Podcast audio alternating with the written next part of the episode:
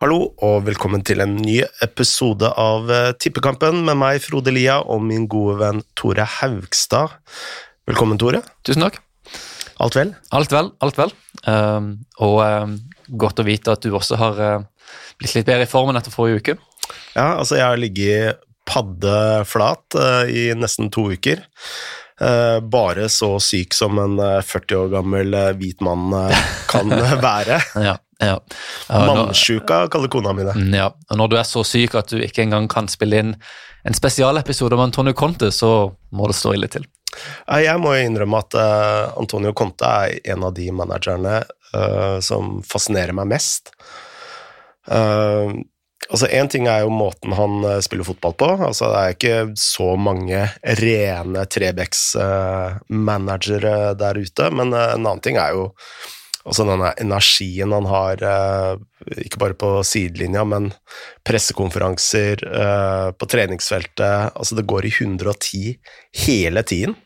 Ja, og uh, det er jo nesten en, en, så nærme en garanti man kommer for, for at laget skal bli bedre. Ja. Det er det Mourinho pleide å være, mm. og som Livi trodde han fikk mm. da han ansatte Mourinho uh, i fjor.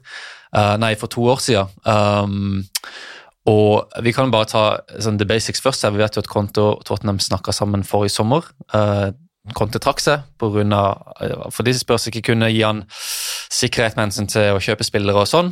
Og nå tror jeg spørs var desperate etter Nuno Fadesen, og jeg tror Conte også var desperat etter å jobbe. Han er jo en fyr som sa at han savna veldig å, å, jobbe daglig med, med klubblag når han var trener for Italia. Mm. Uh, han, Sammenligninga var vel med at han ville være inne i garasjen og kjenne oljelukt eller noe sånt. Ja. Som en mekaniker da, som ikke hadde vært for lenge unna verk verkstedet.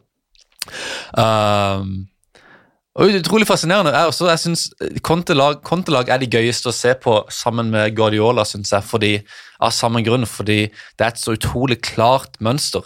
Uh, og du kan, mm. du, kan, du kan, se Hvis Conte hadde tatt over et sjettedivisjonslag, så kunne du sett det, at det var Conte. Du ser mm. akkurat de samme uh, mønstrene. at back, uh, De spiller seg ut bakfra, uh, ballen går ut på stopper, og så til, til back, wingback, og så opp på spiss. Legger igjen, løp i bakrom. Det, det, er liksom alltid det samme, og det fungerer hver gang. så det er en veldig fascinerende bit med, med Conte. Ja, altså Conte har jo en veldig sånn karakteristisk eh, stil, men altså hvis vi starter da med forskjellene på Mourinho og Conte altså Du sa at eh, Livi trodde han ville få den energiske treneren i Mourinho, da. Eh, den med jerndisiplinen og, og intensiteten. Men det vi så både i Manchester United og, og Tottenham, var jo et lag som var veldig passivt. Og eh, du som er glad i statistikk, du fremheva jo det her i en tidligere episode at eh, Tottenham-laget under Mourinho var vel et av de lagene som løp minst sprinter i løpet av en kamp. Ja, det, jeg, jeg, husker ikke helt hva jeg sa, men, men Mourinho sin lag har iallfall blitt hatt det som et kjennetegn, og det var akkurat samme i United. Mm. Uh, jeg husker når Solskjær tok over for Mourinho, så snakka han veldig mye om at um, Eh, utholdenheten og fitnessen måtte opp. Mm. Uh, Jeg tror faktisk de dro til Dubai eller uh, noe sånt, eller om det var Emiratene, tidlig i 2019, kun ja. for liksom å få opp um, få opp utholdenheten og fitnessen. Jeg tror det var liksom grunnen til at det ble litt skader på slutten av den sesongen. Men, men, uh, men ja, Conte er jo ekstrem på akkurat det. Og, um, ha, altså, allerede har jo Atletic skrevet om, om de første dagene til Conte, og hvordan spillerne føler seg døde. Uh, ja, For og, nå er liksom uh, full, uh, ja, full pupp på trening? Nå, nå, er han i gang, og det, det er beinhardt. De, hadde, de, spilte vel mot Vitesse på torsdagen, og i stedet for å liksom ha fredagen i badebassenget og på sykkelen på, trenings, på treningsstudio, så skulle de liksom ut og og trene litt ekstra. og De hadde en videoanalyse uh, som skulle vare i 20 minutter, og som varte i 75 minutter i stedet. Uh, og så har du alle disse klassiske greiene med at Conte skal uh, bannlyse majones og ketsjup fra kantina, og de skal kutte ned på fruktjuice, mm. alle disse tingene. Og, og, han er besatt av, av sånne ting, Conte. Og Lukaku har jo også snakka om hvordan han virkelig fikk på plass igjen. Uh, sin diett, da. Uh, fra han dro fra United og til han kom til Inter. Ja, for han gikk ned tre til fire kilo eh, i Inter? Jeg blir overrasket om det ikke er mer enn det. helt forvandla altså, Han snakker liksom om det fysiske. At han liksom, ja, trener mye hardere, spiser mye bedre, at Conte setter mye høyere krav. Uh, og ikke minst uh, mentalt også, at liksom Conte skriker på det uh, hvis du ikke gjør som man gjør som man vil. og det ja, Jeg skal ikke si for mye her, men um, Lukaku har gjort en enorm forskjell på Lukaku, og, og det er jo ekstremt hvor, hvor, hvor mye spillerne forbedrer seg under um, under Conte. Uh, vel Den siste gode sesongen Diago Costa har hatt, var vel under Conte i, i Chelsea. og uh, Hazard var vel også vanvittig vanvittig god der. og uh, Jeg har aldri sett Gary Cahill like god. Jeg har definitivt aldri sett Victor Moses like god som den sesongen. Mm. Så, uh, så den, den trener som har hele pakka, og hvis du sammenligner med Mourinho, da, så har så er Mourinho liksom først og fremst en defensiv trener som skal kunne organisere Forsvaret, og som har overlater nesten alt av det offensive til spillerne uh, for at de skal improvisere og fikse ting sjøl. Uh, eh, og vi har jo sett i mange Mourinho-lag at han har én midtbanespiller som er veldig kreativ og som skårer veldig mange mål, som står bak veldig mye av det offensive. da. Uh, Lampard i Chelsea, Fabregas i Chelsea, uh, Deco i Porto, uh, Sneider i Inter. og her er Conte helt helt annerledes. Conte har det defensive, han har strukturen og organisasjonen defensivt, men han har også en veldig veldig klar plan på hvordan han skal spille offensivt i alle spillets faser. Mm. De spiller seg ut fra, fra, keeper. De vet hvordan de skal få ballen opp på spissen og legge igjen. De har et veldig klart system på siste tredjedel. Uh, og det, det, kunne egentlig vært, ikke vært mer motsatt av Mourinho. Uh, med Conte så skal alt handle om systemet. At spillerne vet akkurat hvor de skal sende ballen før de får den. Alt går på autopilot. Uh, altså Disse mønstrene brennes så fast uh, i hjernene til, til, spillerne at de kan gjøre de blinde i praksis. Mange som sier at det er som, som, tog som går på skinner, og, og det er litt sånn med Conte sitt, sitt, spill. og Det betyr jo at han kan få veldig mye ut av dårlige spillere, fordi spillerne trenger ikke tenke sjøl i mm. praksis. De, de, får veldig klare instrukser, og så lenge de løper så og så mye og posisjonerer seg der og der og spiller ballen i den og den retninga, så vil Contes system uh, fikse biffen. Altså, vi snakker om uh, dietten her. Uh, altså, det er ikke så mye hokus pokus uh, det går på, liksom element, Altså, i, i Lukakus tilfelle, da, så handla det om å, å, kvitte seg med poteter og karbohydrater og salat til lunsj og kutte alkohol. Altså, det er en del sånne selvsagte ting som idrettsutøvere på det, det nivået Eh, burde ha på plass. Da. Så det, altså Når vi snakker om det, så høres det ut som det er liksom det regimet, men det, det, er jo nesten bare sånn sunn fornuft. Det at du har liksom pommes frites i lunsjen hos ja. en eh, toppklubb, er jo helt utrolig. Ja, jeg, jeg vet ikke hvor, hvor, mye Lukaku akkurat hadde det. Uh, jo, han uh, sier det i et intervju. Uh, at han spiste gjerne fried potatoes til lunsj. Oi. Ja. Um, så han hadde en eh, såkalt malfunctioning eh, i, eh, i tarmsystemet sitt. Ok. Ja. Um, jeg har um, Jeg skriver litt for The Place Tribune, mm. og um, vi har en uh, La oss si vi har snakka med Lukaku, da, uten å nødvendigvis publisert en, en sak ennå, om ja. hans tid i United og Inter. og um, kan jeg si at Hodet hans var ikke helt på plass da, i United. Um, så det var liksom mange ting som spilte inn, og han, han liksom følte ikke at han hadde energien og motivasjonen. og Sånn blir, påvirker også dietten, selvfølgelig. Mm. Um, men på generelt grunnlag så, så absolutt. Uh, liksom, og Det er sånn klassisk saker nå som kommer ut i pressen når en ny trener kommer inn. da, At øh, han har, får alle til å spise sammen i kantina, og øh, de skal sove på hotellet øh, i stedet for å sove hjemme kvelden før kamp. og sånn. Ja. Alle disse endringene som ikke sier altså, så, som antyder det at det motsatte var tilfellet før, som ikke alltid er tilfellet. Og som liksom alltid skal det nye liksom være bedre. da. Og Conte liksom, han krever mer, han strammer opp, han, han, vil at de skal løpe mer etter Nuno. Mens kanskje sitter vi her om to år, og spillerne er lei av Conte. Og så er det akkurat de samme argumentene som snus på hodet og sier han er for intensiv, han lar ikke spillerne kose seg med den maten de vil ha. Ja. Uh, og så, så, er det liksom akkurat det samme. Mm. Så det er en sånn klassisk greie som, som, rulles ut hver gang det er trenerbytte. Men eh, kan ikke det være at uh, um, Altså, i ulike uh, sykluser av et lag så trenger man kanskje litt ulike ting. Eksempel hvis det har vært slapt veldig lenge, så trenger du å liksom stramme inn. Og så jo. hvis det er litt stramt for lenge, og så begynner slitasjen å komme, så må man kanskje slippe opp litt. Kanskje, kanskje. Det, det, er i hvert fall veldig typisk tre klubber å tenke vi må ha det motsatte av mm. den forrige treneren. Um, men uh, jeg vet ikke jeg vet ikke hvor mye disse tingene har å si. Uh, men, men, men, men, jeg kjøper litt den at, at spillerne trenger å, sti å, stimuleres med nye ting hele tida. Men tilbake til Conte og snakke om dette regi, re, altså taktiske regimet. da. En ting som er interessant med han, det er jo altså Det defensive ligger jo veldig bånnfast, altså med trebekslinje, intensitet i presset, rent soneforsvar uh, osv. Og, det, ja, og dette er jo sakk i fotball. Hva sa for noe? Dette er jo sakk i fotball. Altså, ja, absolutt. Ja. Men offensivt så gjør han jo ofte tvister med tanke på styrkene til spillerne. Altså Opp igjennom så har han spilt rent 3-5-2, han har spilt rent uh, eh, 3-4-3, han har spilt uh, eh, 3-4-2-1. Altså han har alltid hatt noen sånne varianter uh, offensivt.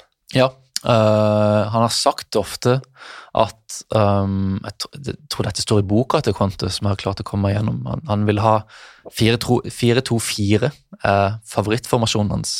4-2-4? Ja. ja. Og um, jeg tror han posta et, et, klipp på Instagram hvor Inter hadde klart å spille i en veldig god, eh, et veldig bra angrep eller noe i 4-2-4, og så hadde han liksom bare lagt et hjerte ved liksom 4-2-4, at dette var favorittformasjonen hans. Så ja. uh, jeg tror, hvis jeg ikke tar helt feil, så tror jeg han prøvde å spille 4-2-4 i starten i Juventus, mm. men at, så funka det ikke. Uh, og Uh, og det var vel med Quadrado Jeg vet ikke om Quadrado var der med Nelia og noe sånt uh, som han hadde der som ikke fungerte som vinger. Og så prøvde han det samme i Chelsea. Uh, husker jeg i preseason der i 2016. Jeg husker jeg så Chelsea spille i, i Champions Cup i USA, og de, de prøvde det. Uh, så tror han han gikk over til en slags 4-2-3 eller noe i starten av sesongen. Uh, og så hadde de dette tapet mot Arsenal da, ganske tidlig.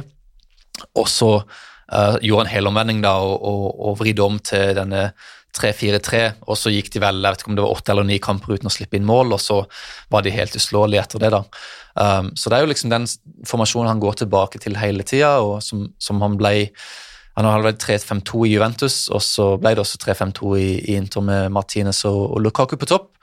Uh, og nå ser vi i, Tottenham at han, det er ikke noe 4-2-4 der heller. Det er 3-4-3 uh, så langt. Uh, veldig likt det han hadde i Chelsea med en uh, stopper, en back som spiller stopper da i, i, i Ben Davies, akkurat som Aspileketa var. Uh, Son i Hazard-rollen til venstre. Uh, og uh, to hardtarbeidende sentrale midtbanespillere. Mm. Uh, og så har vi jo Kane på topp, da, og jeg tror vi kan forvente å se at Kane blir enda mer stasjonær under Conte, at han holdes veldig sentralt i banen, får veldig mange oppspill.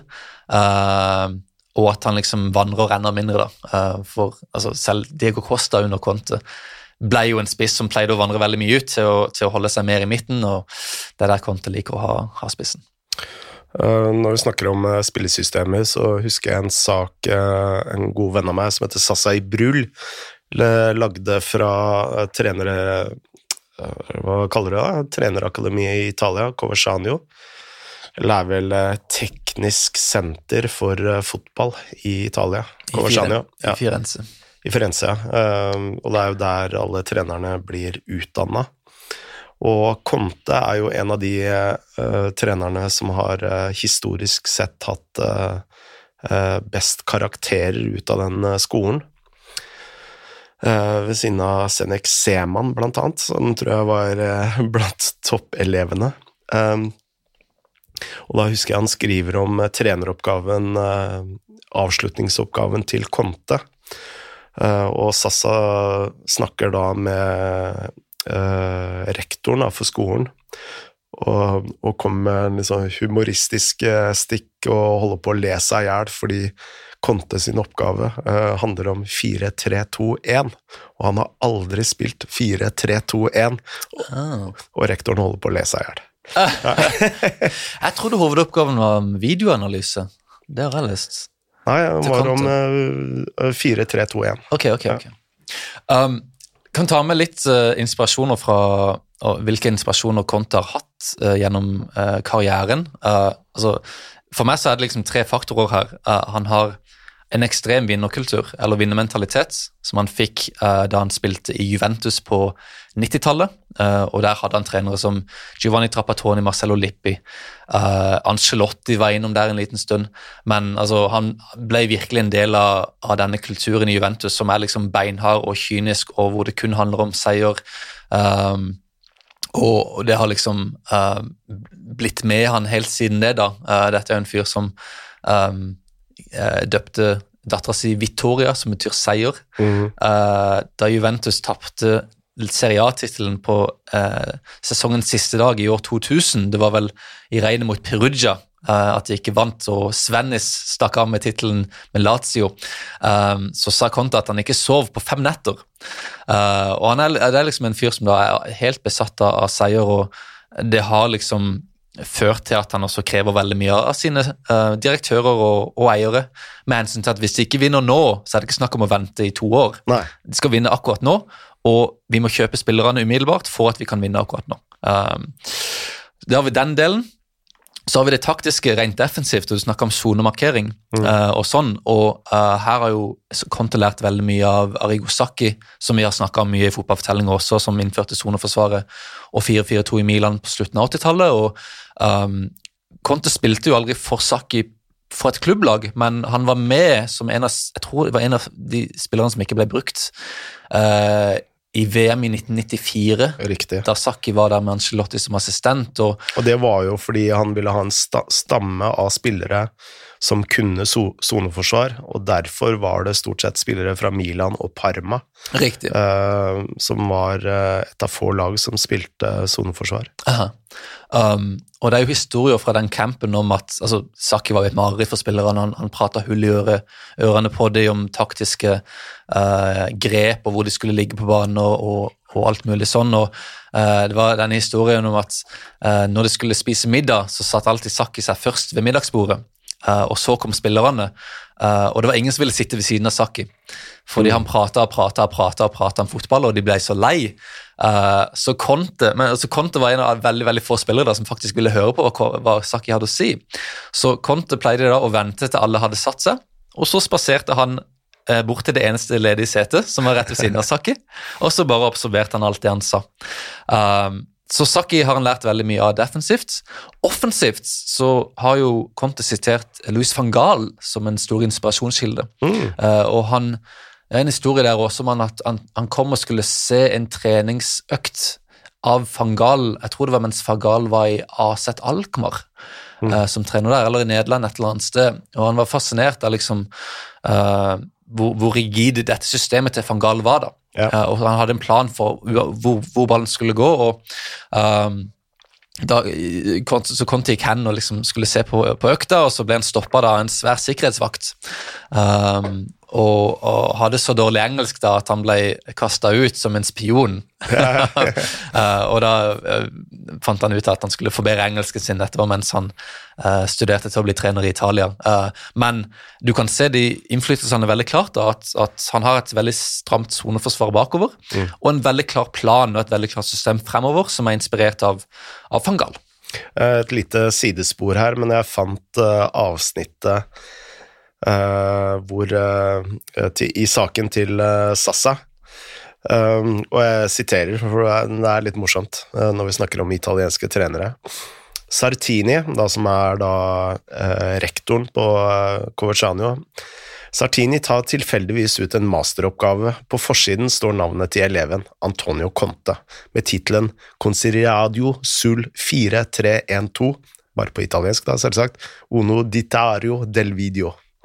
Eh, ah, så, det, så videoanalyse. Ja. Ah, så begge mm. to. Så begge det. Så det, analysen, eller oppgaven, handler da om ikke 4-3-2-1, som jeg kom i skade til å si, men 4-3-1-2 og videoanalyse. Uh, jeg kan jo bare sitere videre. Uh, Contes avhandling, sier da Saitora, handlet om 4-3-1-2 men han spiller aldri denne formasjonen, ler Sartini. Og så finner han frem andre elevarbeider. Fabio Capello skrev om sonemarkering. Sonemarkering, altså ikke soneforsvar, men eh, markering innenfor sone. Mm. En, eh, en, detalj der. Eh, Carlo Angelotti diskuterte fremtidens fotball. Roberto Manzini skrev om Il Trequartista, mens Prandellis masteroppgave handlet om press. Ha. Så, ja. Det gir jo veldig mening, da. Det gjør jo det. Hvis du ser på hver av de trenerne. Ja. Um, fascinerende. Men eh, kan jeg bare nevne en ting? Eh, du nevnte dette med at eh, han var veldig opptatt av um, å få inn de beste spillerne. Um, og det ser jo ut som å være en gjenganger i kontroversene rundt Conte. Altså, han forlot jo Juventus fordi han angivelig ikke fikk kjøpe de spillerne han ville ha. Og det er jo en sånn gjengangsmelodi, eh, kanskje sett bort fra Chelsea? Nei, nei, nei, nei, nei er du gal? Nei, der òg? Ja, ja, ja, herre min. Kan, altså, Juventus var det jo der vil jo, De gjorde det så dårlig i Champions League. Ja, grunnen til at jeg nevner det, det er jo at eh, man, man blir jo veldig sånn fascinert over altså, hvor strikt han er, og taktisk klok, og, og regimet hans og sånn, men det ligger jo i bunn at han får jo alltid et budsjett til å kjøpe spillere, ja. og det må jo også vektlegges her. Ja da. Uh, så spørs det hvor bra han bruker dette budsjettet, da. Um, Juventus var, gjorde det jo allerede bra, da, men de ville gjøre det bedre i Europa. og Han sa vel at han Conte klagde vel på hvor store budsjetter de hadde i som Bayern og Barca og City og sånn, og at den famøse sitatet var jo at du kan ikke spise i en, i en 100 euros-restaurant med 10 euro i lomma. Uh, og det så jo veldig dumt ut når Allegri tok Juventus til to finaler ja, ja, ja. seinere. Um, men uh, ja, i Chelsea så Litt som begge deler. altså han hadde jo Første året så fikk han veldig veldig mye ut av spillere som Victor Moses og Gary Cahill og Pedro, og, og vant tittelen foran Guardiola og Klopp og hele gjengen. Uh, og så begynte han liksom, når det gikk dårlig, da, så ville han liksom ha spillere inn som altså Chelsea var ikke villig til å gi han de, spillerne fra øverste hylle. da. Det var vel van Dijk og én spiller til. Van Dijk og Lukaku var de ville ha inn. Mm. Og, så, fikk de ikke tak i de, og i stedet da for å, å vente uh, eller liksom tenke ok, vi kan kanskje prøve igjen på noe andre i januar, så skal han liksom ha inn plan, eller alternativ B, alternativ C, alternativ D. Han skal ha inn noen. Mm. Uh, og det førte jo til et av de verste overgangsvinduene Chelsea, kanskje det verste Chelsea har hatt under Abramovic. Altså mm. det var jo uh, Danny Drinkwater fikk, kom inn på sånn 100, 100 000 pund i uka. Uh, hvem flere var det? Um, Zappa Costa kom inn. Ross ja, Barkley kom inn. Ja. Altså Dette er en skade på troppen som de fortsatt prøver, jobber med å liksom bli kvitt, da, disse spillerne. Uh, så enormt skade, og han brukte jo nesten hele det andre året på å klage på at han um, ikke fikk det han ville ha. Um, og så hadde du Inter, da, hvor han hadde Giuseppe Marotta som daglig leder, mm. som han jobba med i Juventus, som var på hans lag og, og, og, og ga han veldig mye. Mm. Uh, og fikk inn ja, kjempespillere Lukaku, uh, Hakimi osv. Vidal kom inn. Uh, og Ashley Young. Og Ashley Young, ikke minst.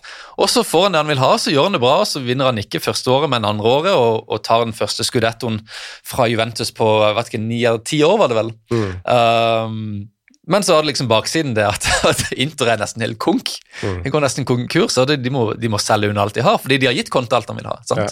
Uh, og når han får høre det, så stikker han.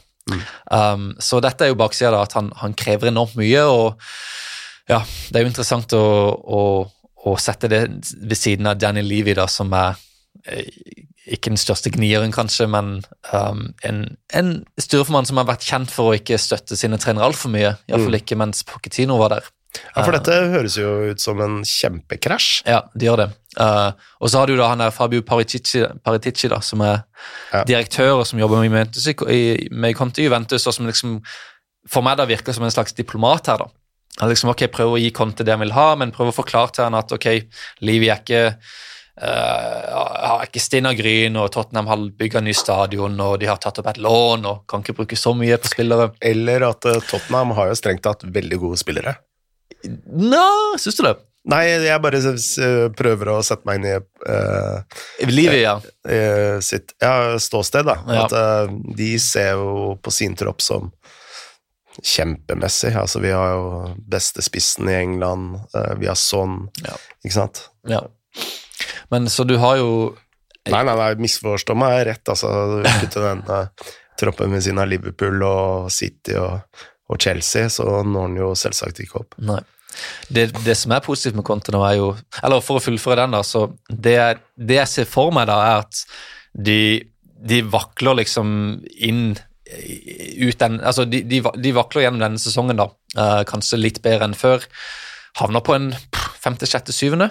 Uh, og så får Conte litt forsterkninger i sommer, og så kjører han de beinhardt i sesongoppkjøringa og driller inn det systemet han vil ha. Og så får Tottenham en veldig veldig fin sesong neste sesong, mm. kanskje topp fire. Og så kommer de til et poeng, til et stadie da, hvor Conte vil si til Livi ok, vi er tilbake der vi var uh, eller i nærheten av der vi var under Pochettino, men jeg har ikke kommet her for å komme på andreplass eller tredjeplass. Vi skal vinne Premier League. Vil du gi meg midlene jeg trenger uh, for å kjøpe en stall som, som kan levere det? Uh, og Der tror jeg vi kommer til et slags bristepunkt. da. Og så er spørsmålet om Livi har pengene og viljen til å virkelig matche Contes ambisjoner. da. Mm. Um, så jeg ser for meg at det kan gå kanskje sånn rundt to år da, før dette sørner. Uh, og så får vi se. Så får vi se.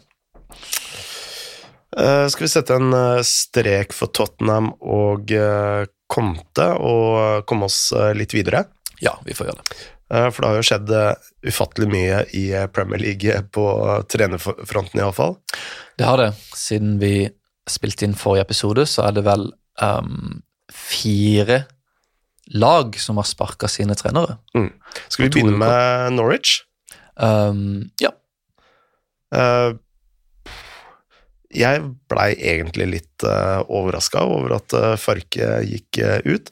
Ikke at uh, Ikke at jeg ikke syns det er forståelig, fordi en del av de prestasjonene til Norwich i år har jo ikke ligna grisen, i hvert fall defensivt. Et mer naivt forsvar skal man kanskje lete lenge etter. Men Altså, de har jo liksom stått eh, last og brast, så eh, Og når du tenker at eh, de har liksom stått last og brast så lenge, så tror du at de vil stå og løpe fullstendig ut, da. Ja. Hva tenker du? Nei, jeg vet ikke. Jeg tror, mange, jeg tror de trodde, som, som, jeg trodde litt, at Norwich hadde lært fra, uh, fra sine feil for to år siden og, og skulle liksom være litt mer solide der og litt mer sånn streetwise denne sesongen enn, enn de var før i Premier League. Det har jo sett akkurat ut som, som forrige gang. Um, så jeg vet ikke, jeg er jo ikke sånn Kanskje litt overraska fordi de virker veldig lojale, da, men de gir jo veldig mening. og um, Selv når de vant mot Brentford, så hadde de jo XG på tre eller noe imot seg. Det var jo heldige som ikke tapte.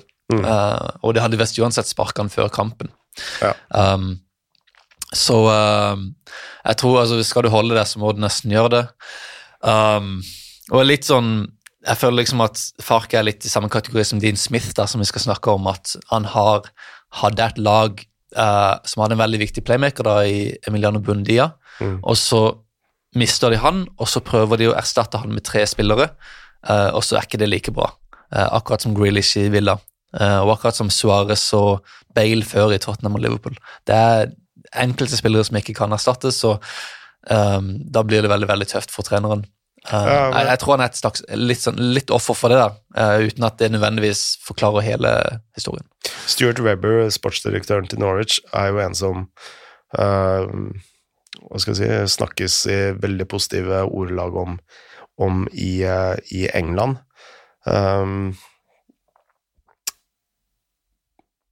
han virker jo som en veldig sånn langsiktig eh, langsiktig mann, da, og han har jo gjort virkelig gode rekrutteringer til Norwich, eh, med tanke på det lille budsjettet den klubben har i eh, forhold til deres konkurrenter. Ja, og kandidatene nå er jo også typer som du kanskje velger om du vil ha et litt sånn større langsiktig prosjekt. Um, de, Frank Lampard? De to fremste Ja, Kjetil, Kjetil Knutsen også, da. Ja. Um, og det er jo ikke en fyr som liksom bare skal komme inn og redde laget. Også, sånn Big Sam-style, da. Uh, Og uh, det er, I det vi spiller inn dette, da, uh, så er det Lampard og Kjetil Knutsen som kanskje nevnes mest. Mm. Um, og jeg vil jo Jeg vet hvilken, hvilken jeg hadde prøvd. Jeg hadde jo prøvd meg på, på Knutsen hvis jeg skulle velge mellom dem. Uh, ja, hvorfor det? Fordi Lampard har én sesong bak seg i Derby hvor han ikke rykka opp. Kom på playoff, helt greit. Og så gjorde han en, en, en god jobb i, i, Chelsea og fikk inn liksom uh, ja, fikk liksom renska bort litt sånn daukjøtt og um, fikk frem unge spillere og sånn, og det er bra, og han kjenner klubben og, og så videre, og flink med, spillere, flink med unge spillere, men um, det var jo ikke noe tegn der til en sånn taktisk sofistikert trener på f.eks. høyde med, med de aller beste i Premier League, og kontrasten til Tuchel var jo enorm. Mm. Uh, og uh, da vil jeg heller ha en, en type som Knutsen, som har bygga gjort utrolig mye ut av lite, og som har en veldig veldig klar mm. identitet. Og som virker som en mer naturlig etterfølger for, for Farke enn en Lampard, hvis du skal beholde en lignende trener. Ja. Um, og vi må huske også at uh, Norwich ansatte Farke fra Dortmund sitt andre lag. Ja. Så de er liksom kapable til å se litt rundt seg, og ikke bare plukke det siste navnet som ble ledig i det engelske systemet. Mm. Um, og så kan du spørre ok, altså, Du kan jo sikkert mer om fotball i Norge enn det jeg kan, men, men Knutsen virker jo som, som, del av et veldig bra system da, i, i, Glimt. Han gjør ikke dette alene. Uh, det er en kultur der, de har en psykolog der som hjelper spillerne. Ja. Uh, det er ikke liksom at, Han er ikke en fyr som Conte, som liksom bare kan gå til et helt annet klubb i et helt annet land og gjøre det samme på tre måneder. Um, så det vil jo også kreve veldig tålmodighet hvis de går for han. Mm. Kanskje rykker de ned denne sesongen, men kommer enda sterkere tilbake igjen. sant? Uh, men ja, det, det hadde iallfall vært veldig gøy å se. Nei, altså, Jeg har bare gode ord å si om Kjetil Knutsen. Ja. Altså, fotballfaglig bunnsolid. Uh, det som kanskje kan bli en utfordring for uh, ham i England, og ikke nødvendigvis i Norwich, da, uh, det, det, er jo å uh, Altså, måten de jobber på i, i i, no i uh, Bodø-Glimt er jo veldig sånn my way og the highway. Altså, du må liksom innordre deg inn i et lag. Og tenk deg når du kommer i en uh, internasjonal storklubb med egoer, uh, diversifisert uh, bakgrunn, så må du kanskje være litt mer diplomat, da, på en eller annen måte. Og det er jo en av de tingene som trener, eller managere som Alex Ferguson var jo så utrolig eminent på, da.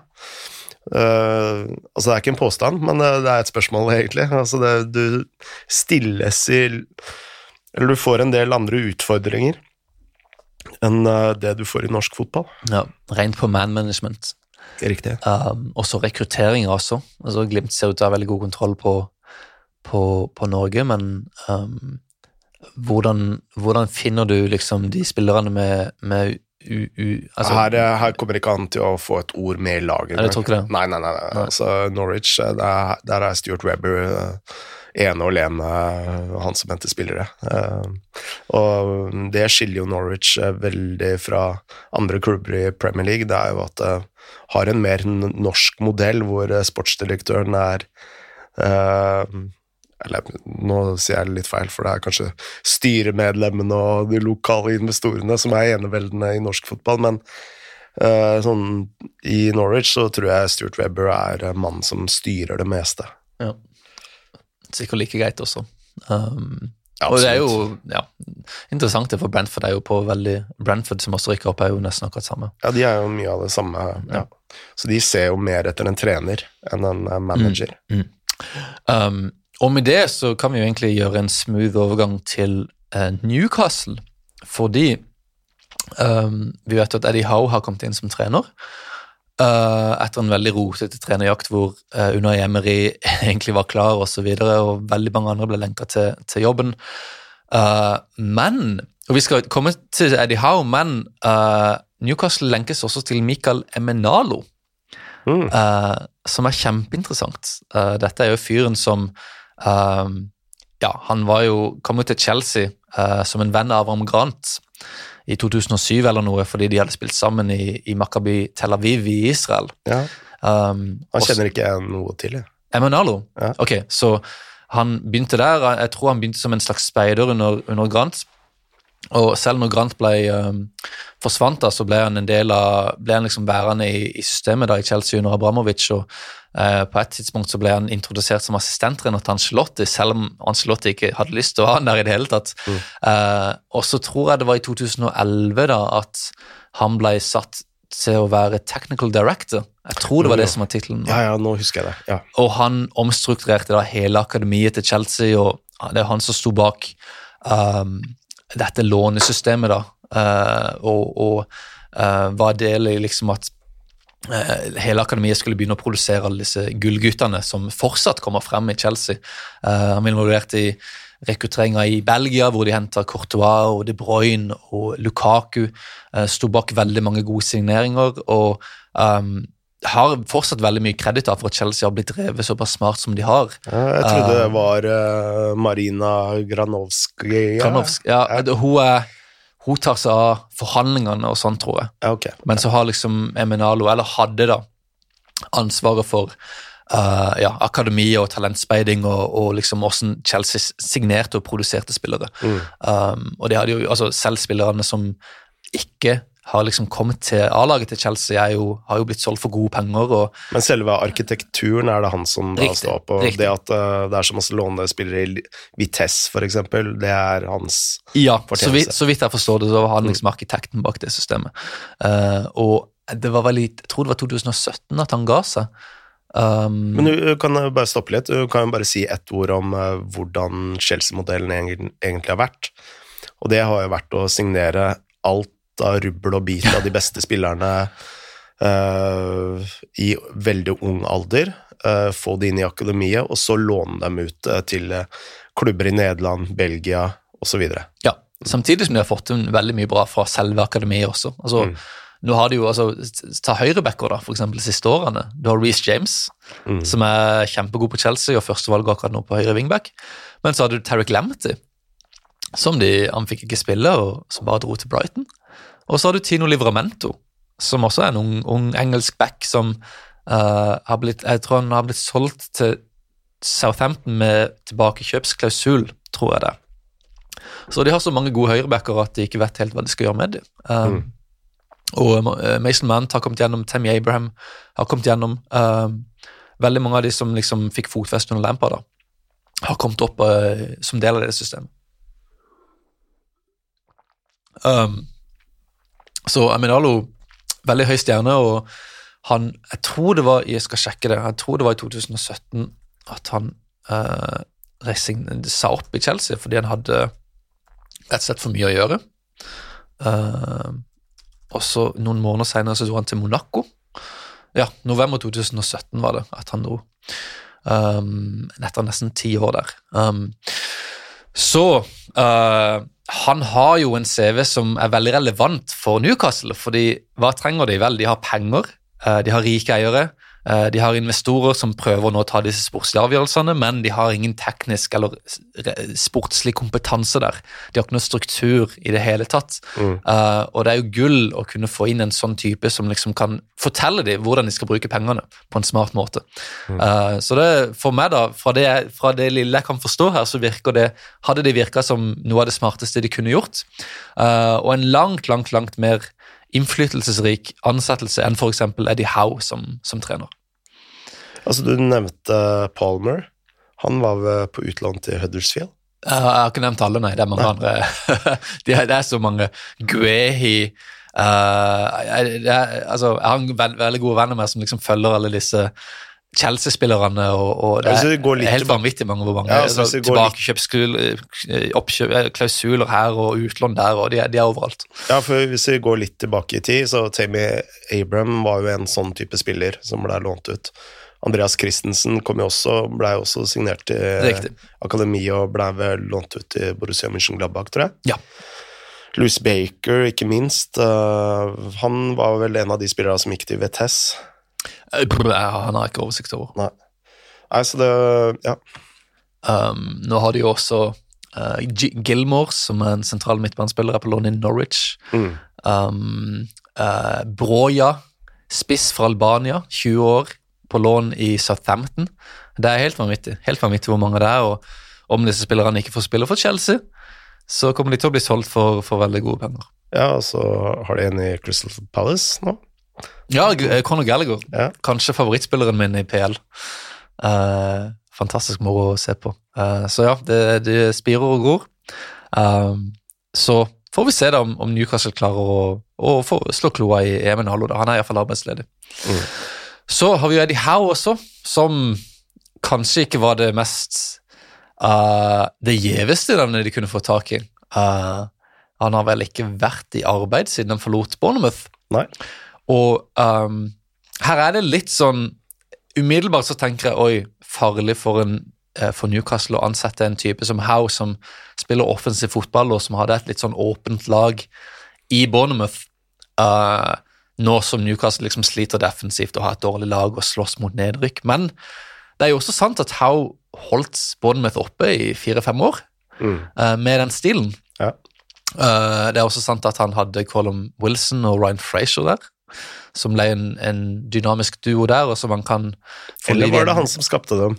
Ja, det kan, ja, det kan du si. Um, han har iallfall litt å gjøre med Frazier, da, som har falt litt bort.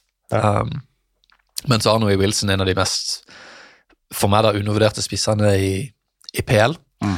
Um, men det er jo mye jobb her, da. Det er jo et lag som spiller veldig defensivt og veldig reaktivt, og som skal um, omvendes til, til, til Howe-stil på kort tid, og Howe er også en type som Conte der, som øver inn veldig faste mønstre offensivt. Du kan jo snu på det. Det kan jo hende at Newcastle er et lag som uh, kan være bedre på angrepsfotball enn uh, forsvarsfotball. Det er et godt poeng. Så. Hvis du ser på laget, du har jo Wilson, du har Max, Sant Maximam, som ikke, på ingen måte er en kjip spiller som du bare vil Nei. Eh, sette til å forsvare på 40 meter. Eh, Almiron er der. Kanskje får du Livy Fraser. Um, så Shelby er der. Så det bor kanskje mer i det laget ja, enn en det vi har sett. Mm. Um, men uh, har ikke mye tid på seg. Uh, og Nedrik hadde vært en, en, en, krise for de seierne her, så vi får se. Men en positiv ting er jo at han er engelsk. Det gjør at han uh, kan kjøpe seg litt mer tid. Hva Har du noe oversikt over hva som er status nå med utenlandske trenere til Premier League med tanke på brexit?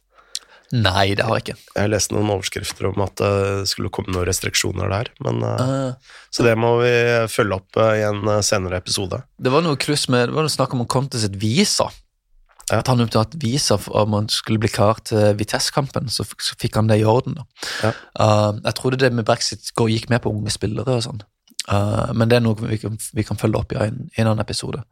Um, men det er interessant med det du sier med at her er engelsk. altså det gir kanskje mening også for, for, Newcastle å ha en engelsk trener når du ser på den stallen. Det er jo mange mm. engelske tre, spillere der, kanskje ja. mer, så, mer, enn det som er normalt i en PL-klubb. Um, jeg vet, Clark jeg vet ikke om han er irsk eller engelsk, men du har iallfall Clark og Longstaff og mm. Shelby og, og alle disse her, og, og Wilson.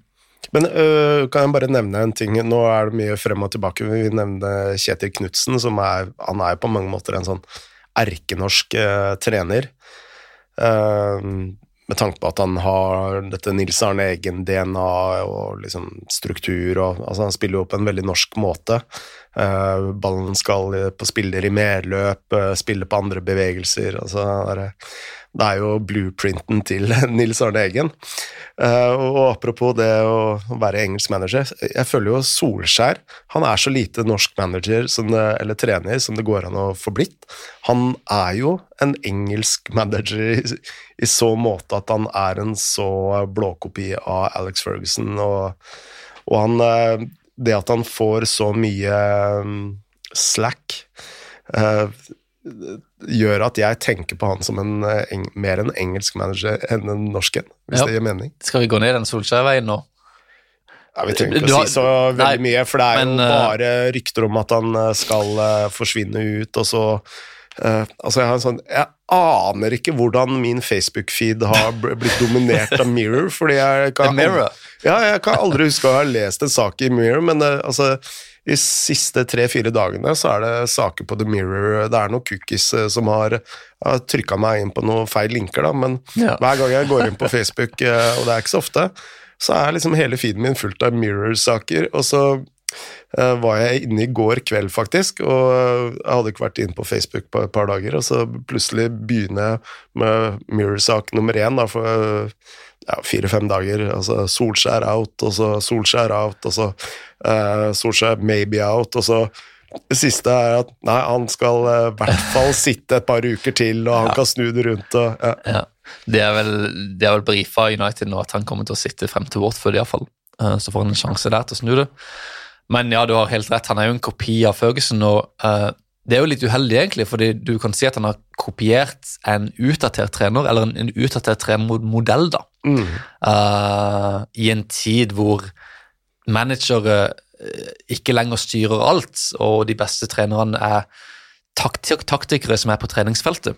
Ja, eh, og i hvert liksom, fall fraværet av struktur. og Vi å snakke, begynte å snakke om Conte, hvor det er enormt med struktur. og uh, og Norwich og Brentford, ikke minst. Ja, ikke sant. Og uh, hvor uh, på i Manchester United hvor alt skal være fri flyt, fordi det var det under, uh, under Alex Ferguson. Mm. Med alle the best words, express yourself og Ja, og det er, jo, det er jo helt utrolig. Altså, folk sa jo det ganske tidlig etter Ferguson nå, at ok, nå Ferguson har holdt dette sammen, han har delegert mye, han, men han har, han har gjort at United har en gammeldags modell. Mm. Uh, og dette var 2013, og alle sa at må, dere må få på plass en skikkelig struktur som kan dra United inn i fremtida, eller inn i nåtida. Uh, og fortsatt da så har de heller en, en slags managertype i Solskjær, mens den daglige lederen, som da er John Murthow, eller hva han heter, han er jo ekstremt lav profil og har veldig Fra utsida ser det ut som han har veldig lite å si. Ja. Um, og det er jo, ja, det er jo Man kan snakke om dette i det kjedsommelige, men uh, jeg tror ikke det kommer til å skje, altså. Uh, United Vi kan jo ta det med at Woodward skal jo ut nå, som har, i praksis har vært daglig leder, og, men uh, favoritten til å erstatte han er jo Richie Donald, som er Woodwards høyre hånd og, og, og kopi, egentlig. Mm. Uh, samtidig så sier Daily Mail at Woodward skal bli værende som en konsulent. Ja. Så alt tyder jo på at Glazer-gjengen uh, holder på de de kjenner, og de som er lojale til de. Mm. Uh, og at det ikke blir noe særlig endring i hvem som tar de store sportslige avgjørelsene i United. og Det betyr jo at det er veldig lite grunn til å ta tillit, ha tillit til at United ja, klarer å bygge den strukturen og, og fikse dette selv etter at Solskjær går. Mm. Så ja. Uh, ingen grunn til optimisme for United-fansen, dessverre. En liten side note. Uh, Woodward har fått seg ny jobb. Han det? Skal han ikke bli eh, konsulent? Jo, det var det jeg sa. Ja, ok. Ja. Ja. Uh, så ja. Hørte jeg ikke på hva du sa? Da? Nei, du må, du må våkne. Men nå er det jo ikke helt, helt out of the woods heller, men syns jeg at det var litt dårlig i forrige uke. Ja, Det er som en ullsokk over huet. Eh, vi må snart uh, slutte av, men uh, vi må jo snakke om Villa som Will. Aston Villa sparka Dean Smith etter fem strake tap. Og Uh, nå har Harry Rednap vært på banen og sagt at hans nevø Frank Lampard hadde vært interessert i jobben. Uh, Lampard spilte der før, uh, og det hadde jo vært en kjempejobb for Lampard å få. men det ser ut til at hans makker fra Englands landslag, Steven Girard, er i pole position akkurat her. alle mediene jeg leste i dag tidlig, sa at Girard De hadde vel inngått um, kontakt med Rangers og Girard allerede. og uh, hadde god tro på at de kunne få han til klubben. Mm. Um, og det gir jo mening, for Girard har jo oppnådd jeg vil si mer enn det Lampard har som trener. Uh, han gikk vel fra Liverpools U18-lag til Rangers i 2018, tror jeg det var. Uh, kom på et par andre plasser der, og så i forrige, forrige, forrige sesong da, så knuste de alt og alle i Skottland og mm. vant. De hadde vel 20 28, det er 38 kamper i, i ligaen. Jeg tror de hadde 33 seire og 5 uavgjort, og null tap. Mm. Så knuste alt og alle, og nå leder de, leder de igjen. Så han har fått sving på sakene der, og um, vi vet jo også at uh, Christian Perslow, som er daglig leder i Villa, um, var uh, jobba i, Liverpool mens Gerard var, tren, var spiller der, mm. så han kjenner han fra før av der. Og så får vi se, da. Det er jo en liten gamble likevel når Gerard er såpass fersk.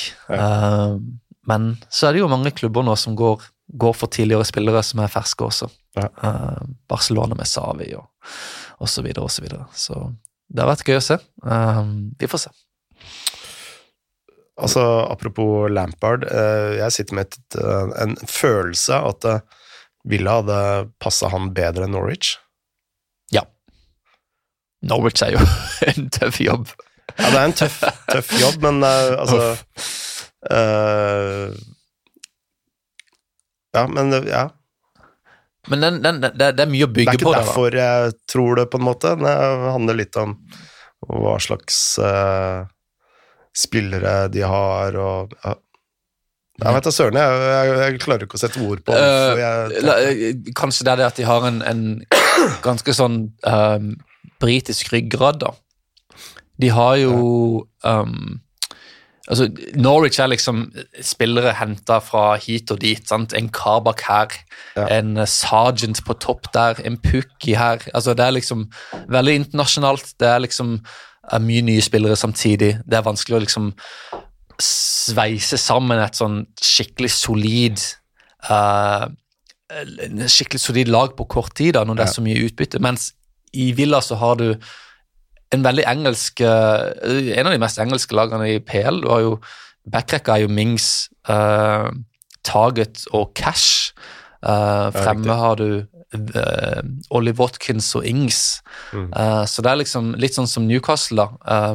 et lag som kan reagere veldig vel på en sånn klassisk engelsk trener. da. Mm. og det um, ja, snakker litt mer til Lampard enn for eksempel ja, en utenlandsk trener fra Georgia eller Italia, eller hva det skal være. Så det hadde jo passa bra. Om man får han, det er kanskje litt mer tvilsomt. Bra. Skal vi sette en strek for i dag? Vi får gjøre det. Ja. Uh, vi er tilbake uh, neste uke. Så sant det ikke er mer sykdom rundt hjørnet. og vi gleder oss da til å snakke litt mer om Selv om det er landslagspause, så kjører vi på podkaster. Ja da, vi gjør det. Vi gjør det. det er ikke Ja.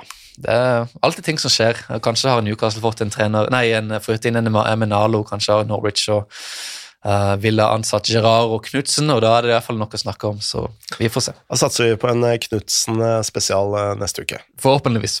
Adjø. Moderne media.